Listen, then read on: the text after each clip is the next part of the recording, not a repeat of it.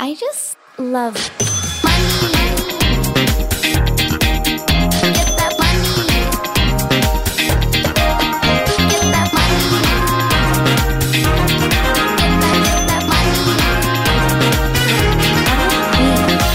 God mandag og velkommen tilbake til en ny episode av Karrierekvinne podcast. Og i dag så har vi en eh, ja, hva skal jeg si, en first. Det er første gang vi er tre stykker i studio. Jeg har med meg Donna Kastrati, som dere har eh, hørt, hørt om før, og hørt på den fantastiske soloepisoden som tok fire uker. Som endelig kom ut. ble veldig bra. Ja. Eh, Med oss i studio i dag så har vi også en fantastisk dame som eh, Altså, Vi er jo i Karrierekvinner. Vi snakker om gründer, entreprenørskap, hele den livsstilen her. Men Nilam, som er her i dag, hun har også en veldig spesiell eh, bakgrunn og jobb og hjertesak. Hun har rett og slett jobba eh, høyt opp i systemet her i Oslo som smittevernsoverlege under pandemien. Og Det er noe av det vi skal snakke om i dag. Men velkommen, Nilam. Altså, du er helt fantastisk. Jeg gleder meg så sykt til å ha deg her i podkasten. Tusen takk. Veldig spennende. eh, Og det her blir jo også veldig Jeg er veldig spent på å se hvordan dynamikken blir når vi er tre stykker som skal komme til ordet her, men jeg tenker det viktigste er at gjesten skal få eh, skinne, så jeg vil gjerne at du bare For de som ikke vet hvem du er, kan du ikke fortelle litt om deg selv og din bakgrunn? Hvordan, hvordan blei du den personen du er i dag? Åh, det er en lang historie, men eh, tusen takk for at jeg får være her og fortelle historien min. Jeg heter Nila Manium, og jeg er 41 år. Mine foreldre har bakgrunn fra Pakistan. Jeg er født og oppvokst i Norge, men klart, jeg har jo vokst opp på Groruddalen, så jeg har jo vært inne i mye norsk-pakistansk miljø, eh, selv om jeg flyttet til Jessheim i voksen alder. Mm. Så, og vi, jeg er en av syv søstre, og vi har én bror, og broren min er yngst. Så vi er vokst opp med mange jenter. Um, ja. Og historien min er egentlig ganske sånn i kortversjon, da, at eh, min mor eh, hun kom, eh, er vokst opp i en ganske rik familie i Pakistan, eh, hvor de hadde ja, de hadde kokke, de hadde eh, de som ryddet og vasket hos dem, silke fra Kina, men de, hun hadde ikke lov til å studere, for kvinner, jenter i den familien, de var i høyerestående, så de, det var ikke mm, De trengte ikke, på en Nei, måte? Var nei. det de mente? ja. Ja. eh, Og at det passet på en måte ikke, fordi de tenkte jo at de skal jo bli giftet inn i, som hustruer, så på en måte verdien deres hang veldig med med at eh, det var datteren til den, og så senere lærere opp til å bli hustruen til den, og den liksom eh, mer Ikke mannens eiendom, men på en måte en del av Tilbehøret til Ja, mannen, liksom. Mm. Så mamma, da hennes eldste søster giftet seg, så pleide hun å ta med seg noen bøker og lese de i smug hos henne, og så ble de på en måte varslet da mennene kom hjem, da, og da gjemte de det. Så det har jo også preget mye av det miljøet hos oss hjemme, hvor hun forteller eh, om at eh, de, de var så rike, og i tillegg så eide de mye gull, slik at min mormor, da, min mammas mor, pleide å sitte med gull sånn fra topp til tå, pyntet i, som dere kan se i sånne interiørblader. Ja, og så kom det kommende bruder og valgte seg ut smykker som hun satt og bar på. Men samtidig, kontrastene var så store at du kunne ikke liksom ha bøker, sitte og prøve å lære det. Hun gikk på barneskole, men til de begynner å ha egne meninger og stille spørsmål, og, Mm. og da ble det mindre og mindre vanlig. For de, det ble mer lagt opp til at hun skal gifte seg, og det livet som tilhørte med det, da oppdra barn og matlaging og ja. Men er det sånn i Pakistan at de som har penger, de uh, skal ikke gå på skole? Eller er det sånn med alle pakistanske jenter? At hvordan, hvordan er liksom skolegang og utdanning for jenter der nede? Eh, Det har nok endret seg nå, tror jeg, men dette er jo Min mor er jo over 60, så dette er jo 50 år siden.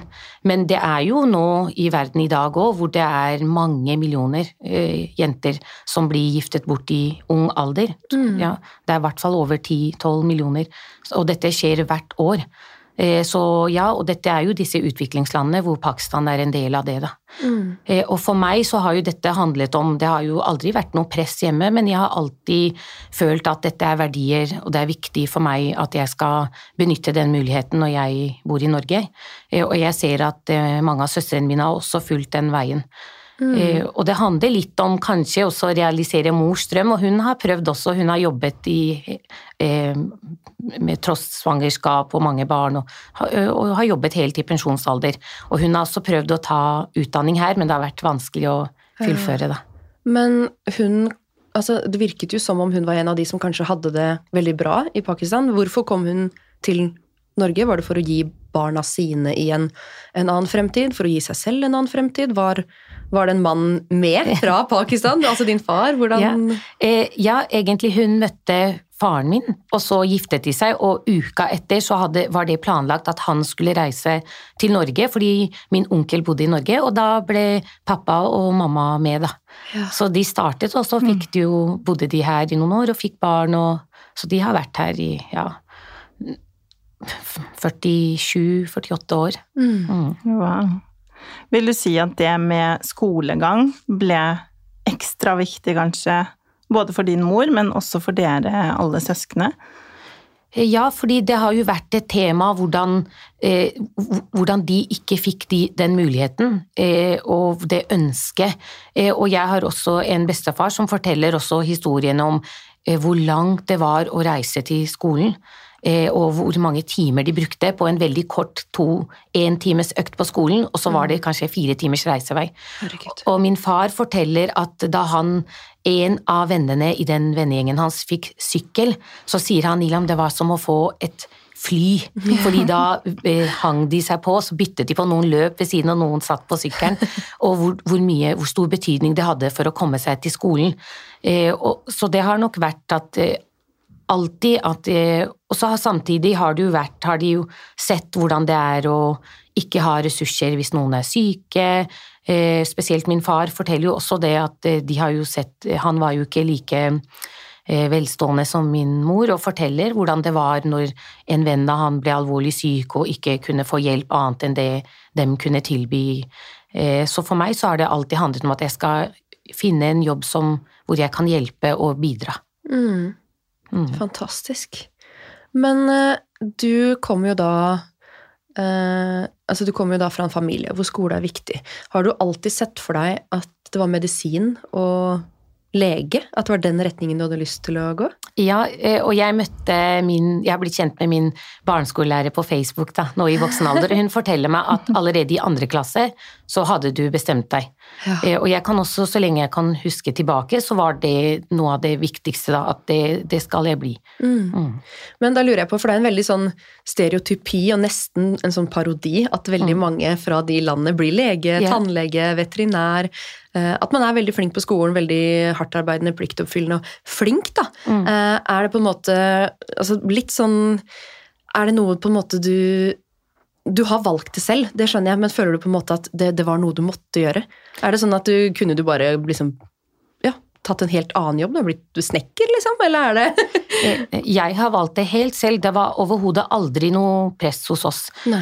Mine foreldre, jeg er veldig god venn med dem nå også, og vi Men dette lå nok mm, kanskje litt sånn underbevisst òg, fordi at jeg eh, jeg har jo alltid følt at jeg må prestere, men dette er noe krav som jeg stiller meg sjøl, så det er egentlig ingen andre. Mm. Men jeg føler at jeg At det er viktig for meg selv og de verdiene jeg har.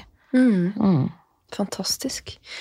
Eh, hvordan var det når du, du studerte medisin? Gjorde du det i Norge? Eller? Nei, jeg studerte i Ungarn. I Ungarn, Jeg sto ja. på venteliste her i Norge, og så ble jeg kjent med noen som skulle reise, tenkte jeg nei, men dette høres spennende ut. Mm. Eh, og klart, jeg som trodde at jeg var veldig god i engelsk her i Norge, og så kommer til et annet land hvor du starter med medisin, og det språket, det fagspråket der, så det var tungt nok ja. på morsmål, liksom. Ja. Og, og vi skulle, måtte også lære oss ungarsk sånn til å klare å kommunisere med pasienter, men det syns jeg ikke var så tungt. Men selve som fagspråket, så de første eh, seks månedene så tenkte jeg veldig på hvordan kommer dette til å gå, fordi at jeg følte jo at jeg måtte ligge over gjennomsnitt, sånn som jeg alltid hadde vært. Eh, Men det har gått kjempebra og vært utrolig spennende og lærerikt. Mm, Jeg har vokst på, jeg var jo en sånn supernerd, jeg tror det sto også på russelua mi, så nå har jeg vokst på litt andre områder også. Blir mer sosial og selvstendig på andre ting, da. Mm. Fantastisk. Hva er det beste med jobben din? Oh, det, det er jo det at, du, at jeg går hjem og føler at jeg har gjort en veldig god jobb, og at jeg har kanskje også reddet liv, men jeg har på en måte gjort mitt beste og eh, ja, en, kanskje vært og gjort en endring til det bedre, da. Mm. Det må være helt fantastisk å ha en jobb som gir skikkelig mening. Sitter jeg her som influenser og bare Ja, men dere gjør jo også det hver eneste dag. Ja, så er det mange dag. som sier at Mm. man påvirker folk til å gjøre fine ting, smarte valg, altså alt mulig rart, men det å liksom redde i liv, det må være en sånn magisk Jeg vil ikke kalle det makt, men liksom å Altså både på godt og vondt, da, hvis Mm. det ikke går veien, hvis Ja. man ikke redder liv. Mm. Um, men jeg lurer jo veldig på Det er jo mange spørsmål som man på en måte har lyst til å stille, som man litt Ja. sånn Kan man stille de? Men du har jo um, jobba i veldig mange forskjellige felt innen Ja. medisin. Det stemmer. Hvor, hva, fortell, hva er det du har uh, jobba med? En ting er smittevernsoverlege. Mm. Hva annet er det du har Jeg har jobbet som fastlege i mange år. Det syns jeg også var givende, for da følger du opp en egen liste med eh, Så blir du kjent med både pasienter, men også pårørende og familier, og noen ganger så er du jo fastlege til kanskje hele familien og kanskje hele slekta. Så det syns jeg var veldig givende, og spesielt på den måten at du følger dem over tid. Mm. Så ja, du møter de i kriser, men du møter dem også i gleder når de får barn, Ja. når det er store ting, og de som har vært alvorlig syke når de blir friske. Eh, Så det syns jeg var veldig tungt, og jeg Man går jo over til ny jobb, og jeg måtte nesten sikre meg på at eh, vil de klare seg? Så det, så det er en prosess. Men jeg har også jobbet som lege i spesialisering innen psykisk helsevern, eh, og der har jeg jo jobbet, eh, fulgt opp f.eks. familier og pårørende etter eh, alvorlige suicidforsøk, mm. og eh, også der hvor det har vært eh, suicid, da. Det gjør jeg jo også nå. Eh, men så har jeg også fulgt opp eh, pasienter med angst og depresjoner, vært inne og medisinert, så det, og spiseforstyrrelser.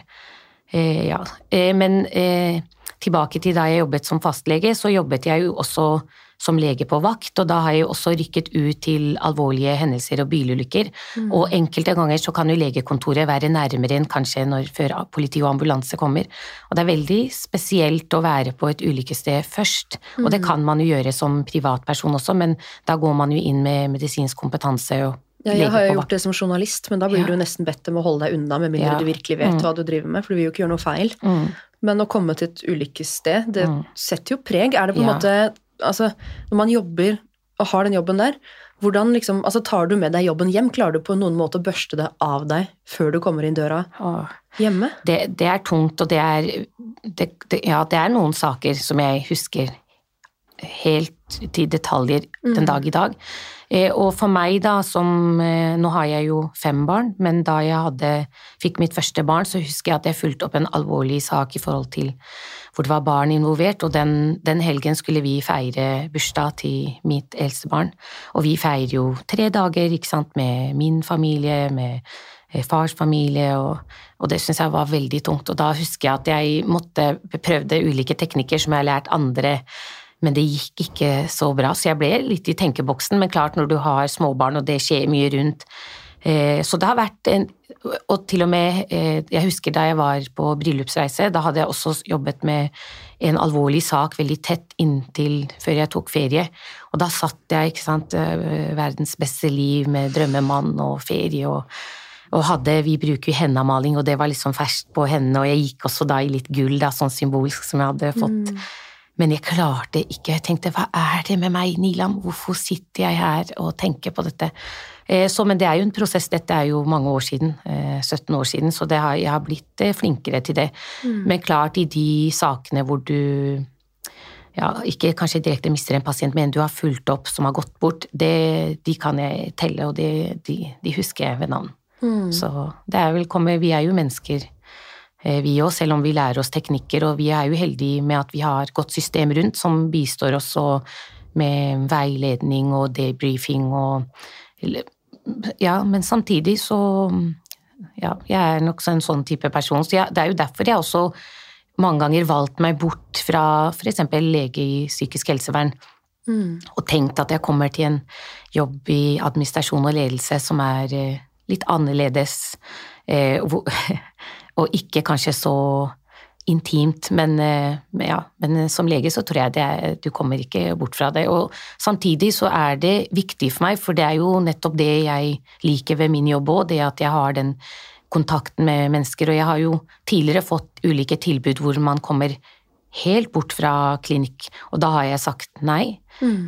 men så tenkte jeg nei, nå skal jeg inn, for jeg skal gjøre forskjell på systemnivå. Eh, Og da kommet inn i dette som jeg jobber med nå, da. For jeg kombinerte en stilling som kommuneoverlege og fastlege i mange år, før jeg gikk over til en hel kommuneoverlege, bydelsoverlegestilling. Eh, og det har også vært en enormt spennende og givende reise.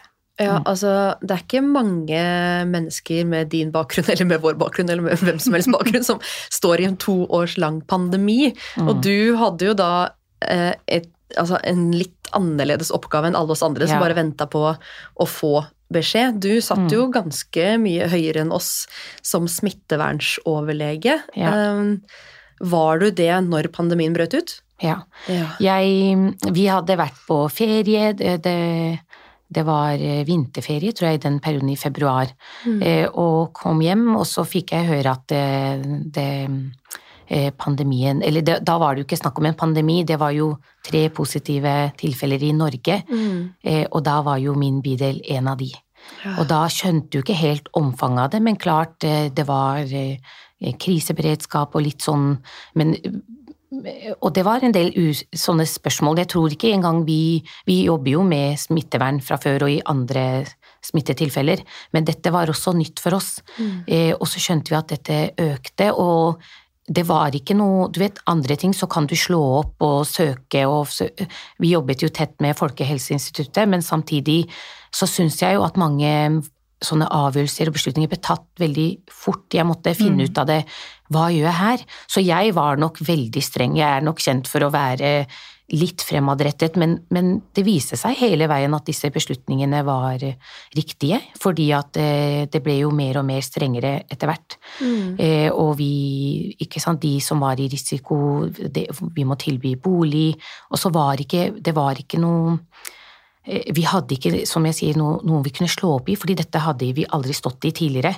Og så disse endringene som regjeringen kom med, det skjedde veldig fort, og med en gang etter klokken tolv, da disse kom, og jeg hadde så vidt liksom satt meg ordentlig inn i det, og så kom jo spørsmålene, og bedrifter, restauranter, treningssentre, skoler, barnehager, eh, og skolene merket jo det veldig mye, og vi, vi endret jo til eh, digital undervisning, men det var der de får, Det er ikke alltid at dette ble meldt til rektor med en gang, så rektor kunne ringe klokka ett på natten, klokken fem på morgenen, seks på morgenen.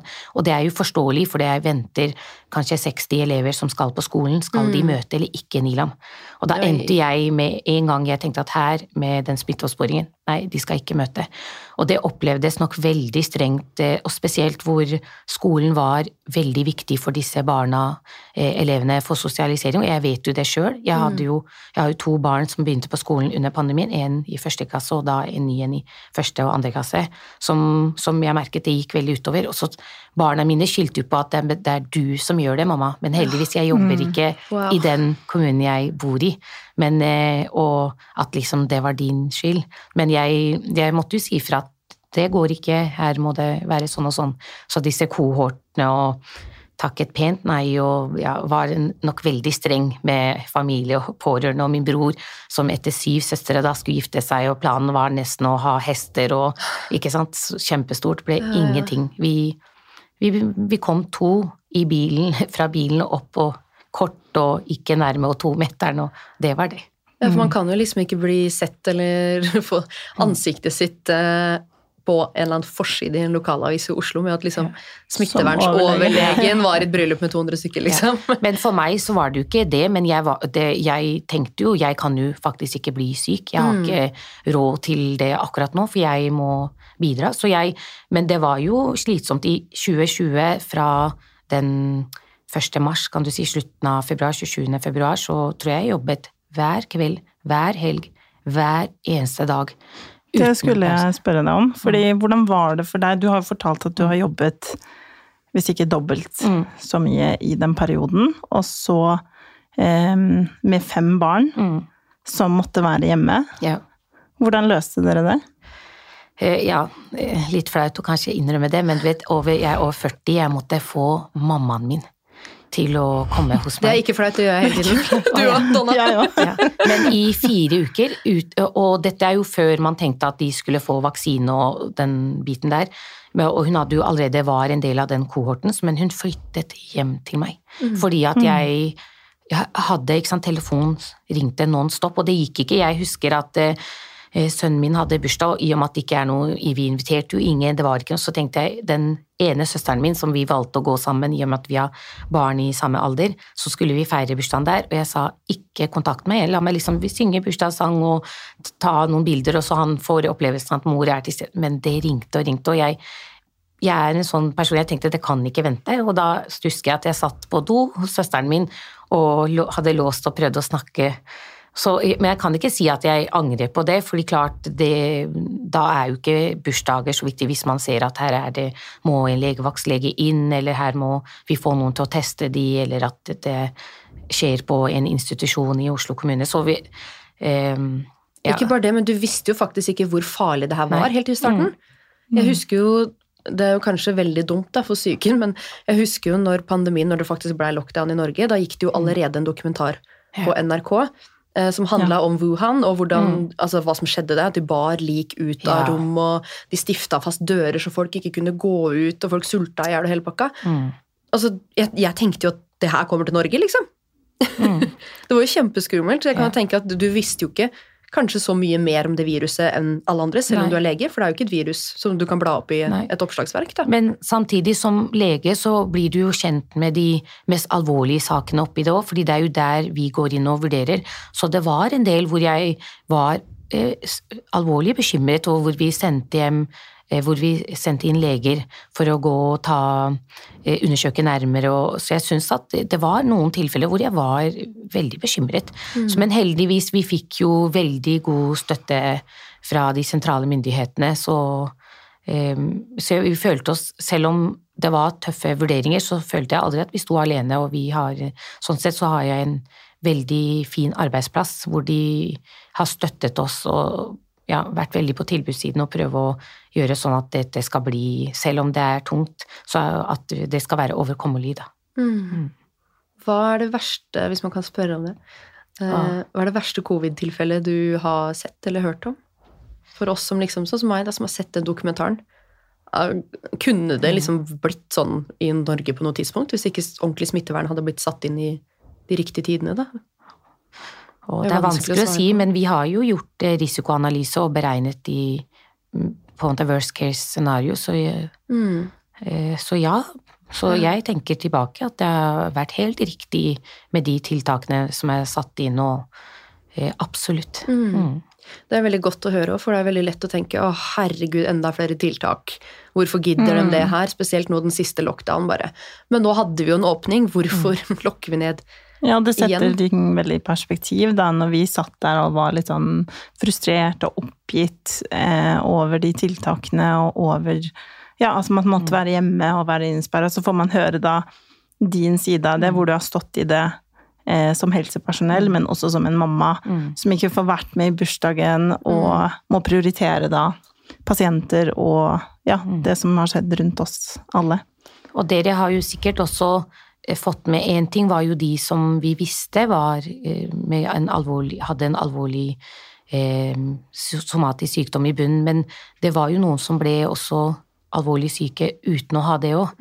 Eh, og jeg tenker sånn de som har da vært hjemme og holdt eh, restriksjonene og vært på en måte Jeg syns jo de aller, aller fleste har jo forholdt seg til regelverket, det må jeg si i ettertid.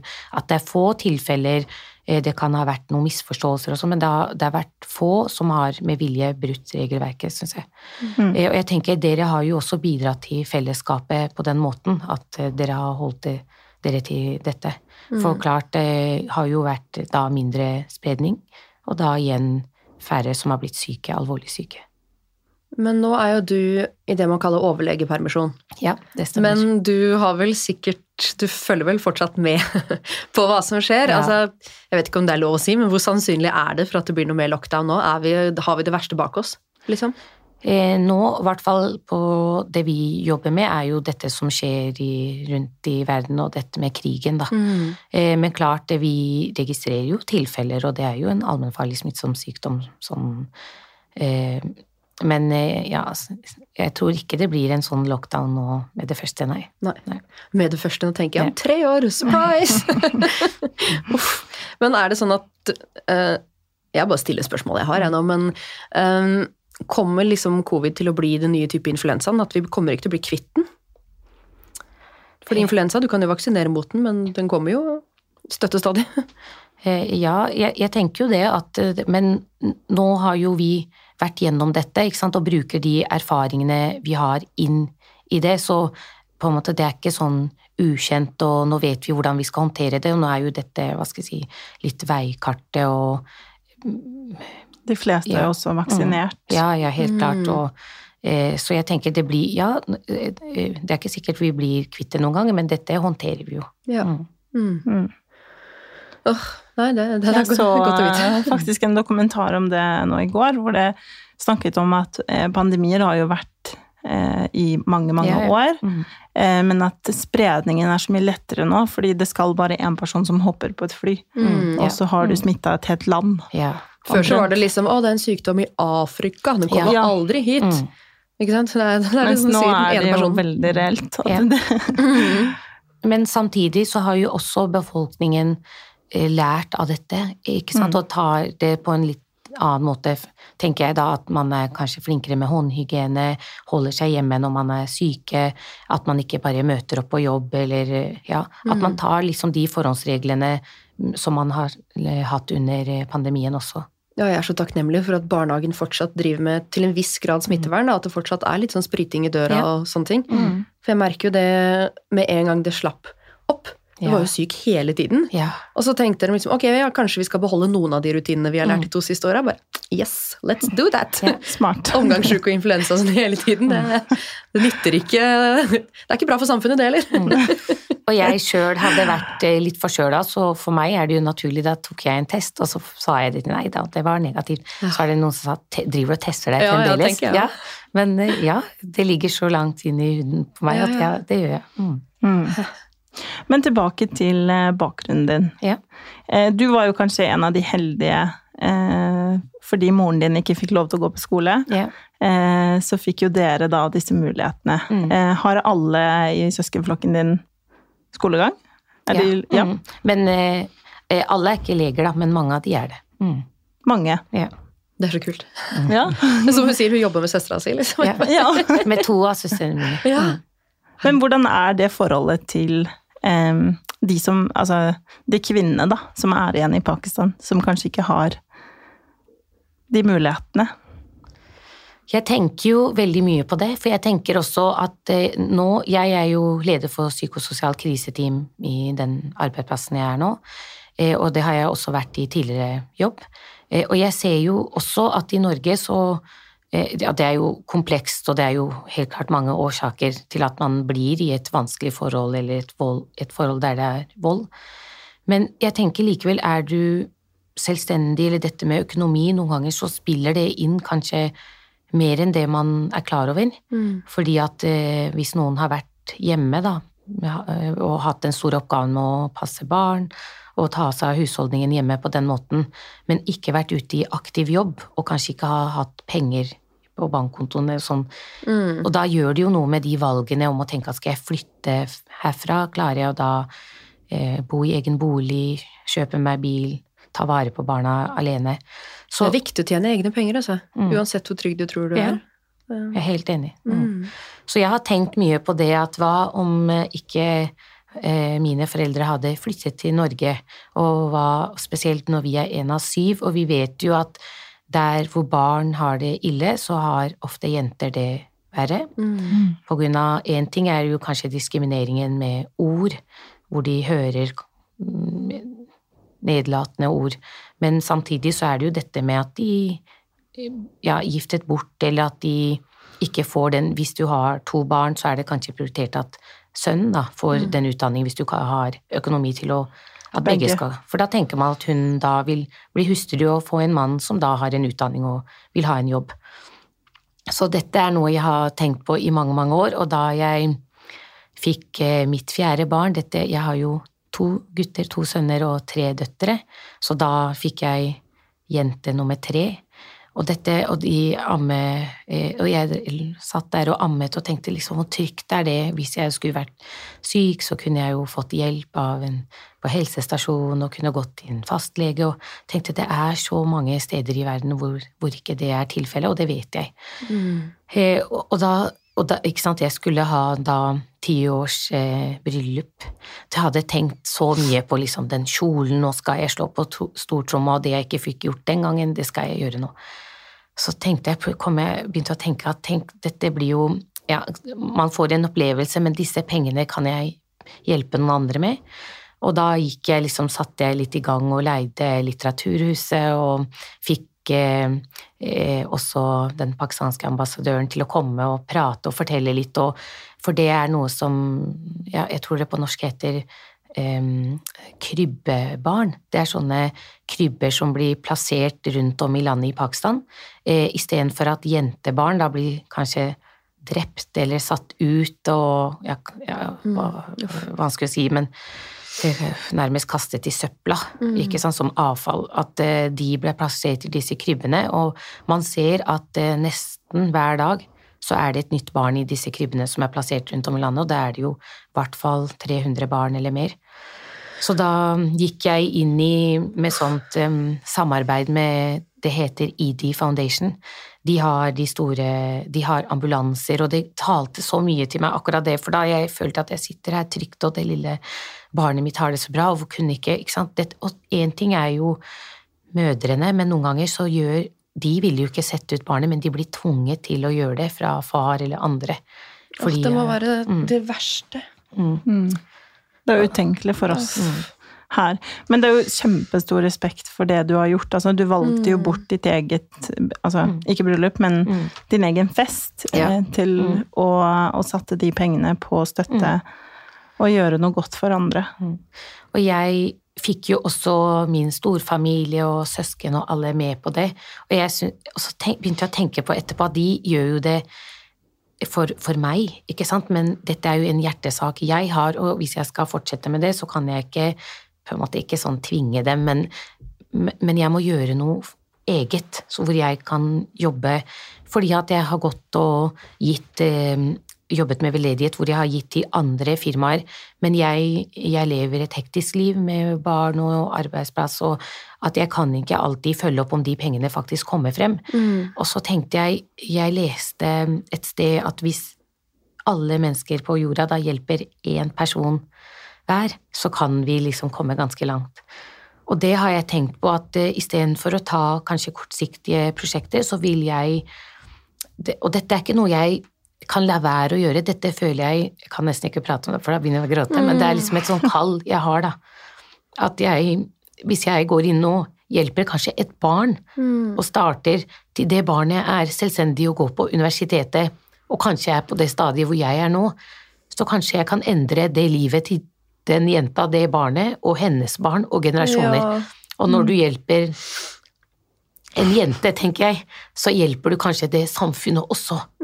Ja, nå begynner jeg å gråte, men Ja, jeg ja, tenker ja. Men det er så fint det du sier med at du hjelper altså, i gåseøyne bare én, Mm. men du skaper jo en fremtid for en hel slekt, Generasjon. potensielt. Mm.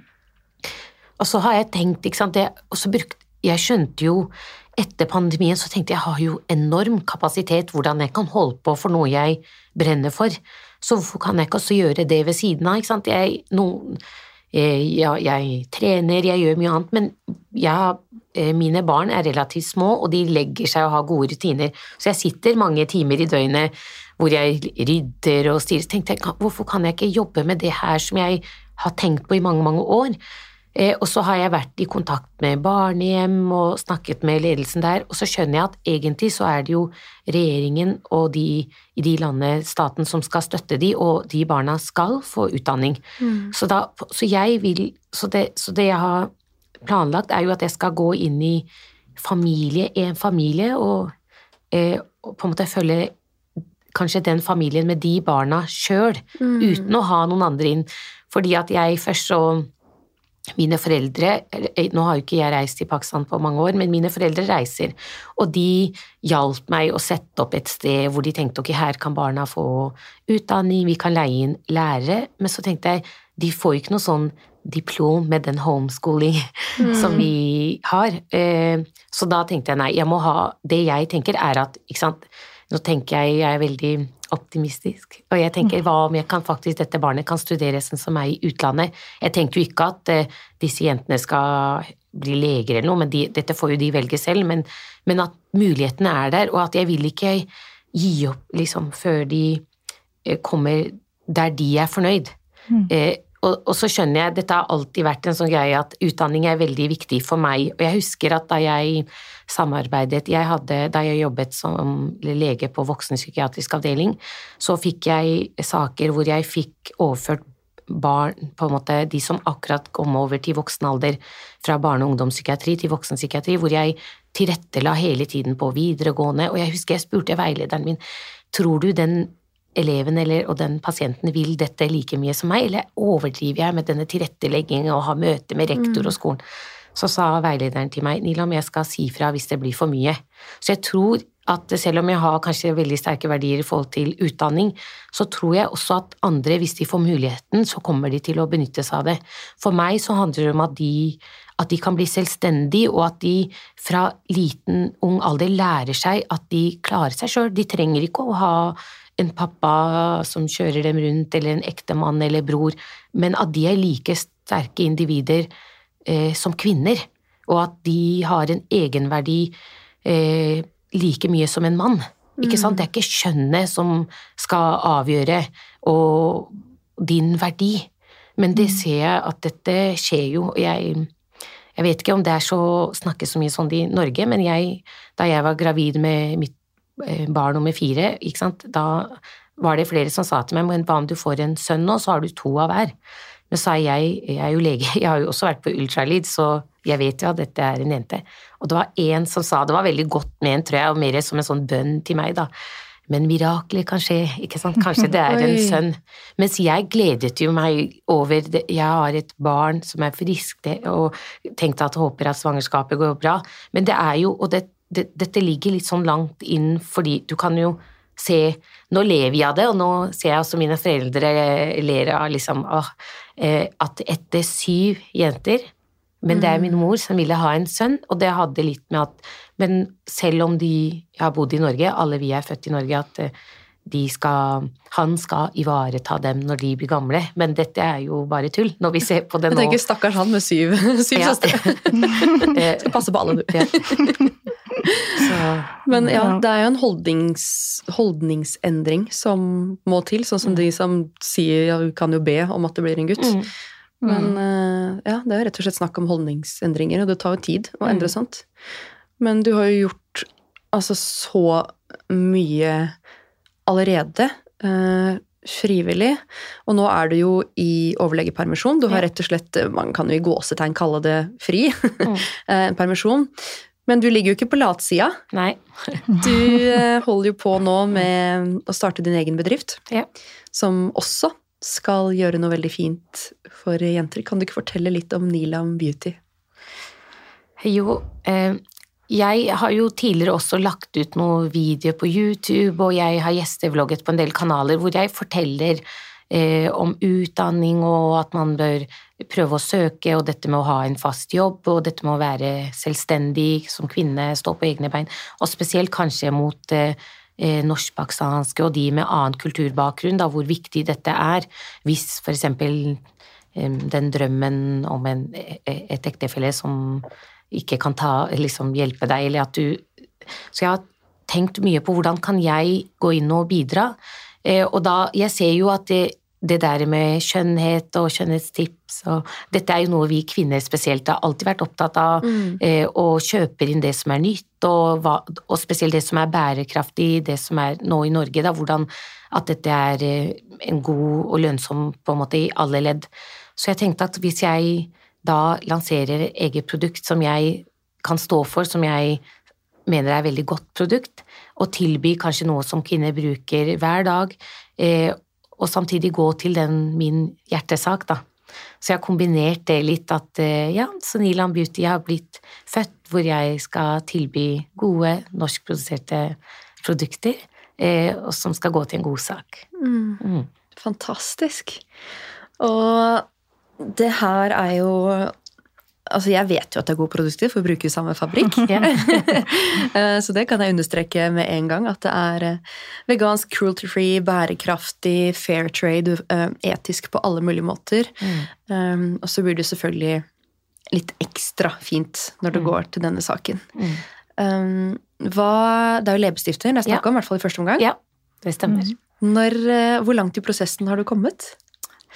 Og dere vet jo, det er jo en del forsinkelser og mye å lære, i, men jeg er tålmodig og har god tid. Eh, Så vi skal ha et møte nå ganske snart, hvor vi skal planlegge litt fremdriften i dette, da. Eh, Ja, så jeg tenker til høsten en gang, da. Mm. Spennende. Ja. Og altså sånn helt direkte, hva er det Hvis man kjøper en leppestift fra Nilan Beauty, hva støtter man da? Nøyaktig hva går de pengene til?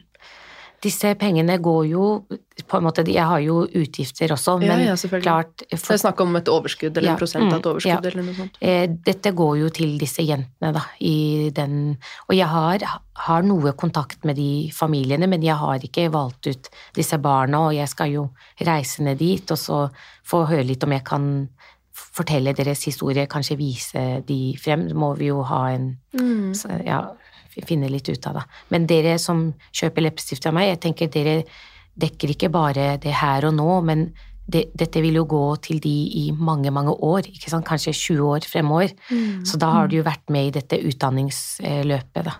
Mm. Fantastisk. Så når de har graduation, så burde jeg jo sende takkekort til alle dere, og kanskje når de får sin første jobb og mm. Men jeg vil gjerne jeg tenker jo invitere også de som har bidratt og kanskje vært veldig fremme i perioder i denne min hjertesak, da. Mm. Eh, At de får lov til å være med og se. Mm. Det er jo ingenting som er finere enn å støtte en god sak, spesielt Jeg ser bare de SMS-ene man får fra Plan Norge og Redd Barna, eller de korta man får fra Mm, fadderbarn og sånne ting. Mm. Eh, Det er liksom for oss relativt lite, eh, for Mm. veldig mange. Men så betyr det jo så mye samla. Yeah. Men sånn som du gjør, da, at du tenker å ha en litt mer sånn personlig approach enn at yeah. det går via, via, via. At yeah. det er en, ja, ikke sant, en eller annen bedrift da, eh, som skal sitte For man kan godt si at eh, Plan Norge og Redd Barna sånn at det er veldedighet, men noen i systemet skal Mm. jo ha lønn. Yeah. Eh, Så det er veldig fint at man har en personlig approach, at man Mm. plukker ut Og det må jo også være en forferdelig vanskelig jobb. Ja, det Hvem skal man hjelpe?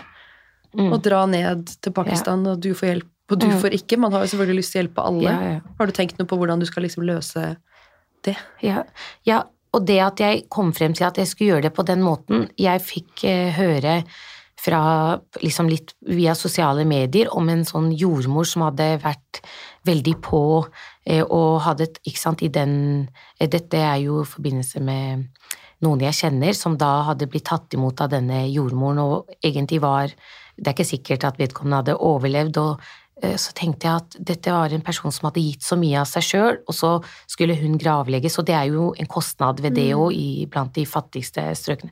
Så fikk jeg kontakt med sønnen hennes, og så sendte jeg et ganske stort beløp ned, og så sa at hvis det kommer, ikke sant, det kommer jo alle de hun har, barna hun har tatt imot, som nå er voksne mennesker, så kanskje dere kan også tilby dem mat og gjøre det en fin begravelse. Jeg husker at dette gjorde vi på FaceTime, jeg aner jo, jeg visste ikke hvem den personen var før denne samtalen, og hvor eh, han skalv og gråt, og det var For liksom det, dette hadde de aldri forventet, og han sa det at han hadde hørt at moren hans var en engel, og, og fortalte Hun hadde jo vært syk over lenge tid, men hun pleide å være, sitte rett foran han mens han kom på jobb og tilbake, og sa at det Ikke sant, å hjelpe noen som kanskje aldri hadde fått den hjelpen, og som aldri forventer det, det gjorde et så sterkt inntrykk på meg, eh, ikke sant, og jeg tror selv om det høres ut som at å, Nilam gjør en veldig god jobb og hjelper andre, men det er nok mye egoisme i det òg, fordi det gir meg så mye tilbake. Ehm, så det er like viktig for meg sjøl og mine verdier enn en at på en måte jeg hjelper noen andre der ute. Jeg, hovedsakelig så gjør jeg det for litt egne behov, for jeg lever, ikke sant, som mange andre eh, kjøper en del ting, glad i både kosmetikk og fine klær. Så dette er noe som gir meg litt sånn kontakt med det å mm, Indre verdier, på en måte ikke det materialistiske. Men det skal jo noen som deg til for å faktisk få gjennomført den hjelpen. Altså at du har de behovene, at du faktisk går ut og gjør det. For mange av oss kan jo kjenne på at vi har lyst til å hjelpe. Men så skal det jo til noen ja, som gjør det litt enkelt for oss å bidra og hjelpe til. For det tenkte jeg også at eh, de som vil kjøpe av meg, vil jo også kunne identifisere seg med det livet kanskje jeg har sjøl. At livet er hektisk, og det er ikke alltid tid. Så hvis jeg tenkte at jeg legger opp til det, at dette vil jo du handle kanskje uansett, så kan du samtidig bidra til denne saken her, og eh, være en del av min reise, da. Så det blir liksom vår felles reise. Mm. Den fineste måten å være egoistisk på jeg noen gang har hørt. Ja. oh, nei, det er fantastisk. Du er så flott og inspirerende. Jeg er så glad for at vi har deg i nettverket vårt. Du er en så viktig, viktig person like. Mm. for så mange. Og jeg gleder meg til å shoppe leppestifter og markedsføre leppestifter. Eh, og bare Med. Gratis, selvfølgelig. Med mening. Ikke for å shame mine egne leppestifter. Men uh, Nei, det er helt fantastisk, Nilam. Vi er nødt til å runde av episoden her, men jeg er veldig glad for at du kom til Karrierekvinner og fortalte takk. din historie og alt du har stått i, og kunne betrygge oss litt på når det kommer til denne pandemien, og ja, samtidig få vist at det fins fortsatt gode mennesker igjen her i verden. Tusen takk for at jeg fikk komme, og jeg kan jo si i like måte, jeg er så inspirert av dere, og jeg lærer enormt mye.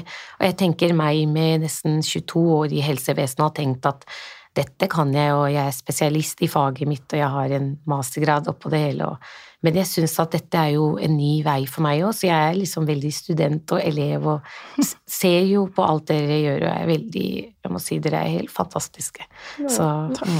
Så hyggelig å høre. Aldri ferdig utlært. Ingen av oss. Nei, det er helt riktig. Det er derfor man trenger hverandre. Nettverk er viktig.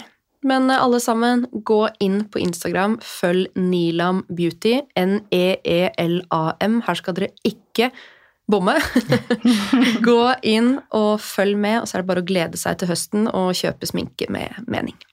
Takk for at du kom, eh, Nilam. takk til dere. Og så snakkes vi som vanlig neste mandag. Ha det bra! Ha det. I just love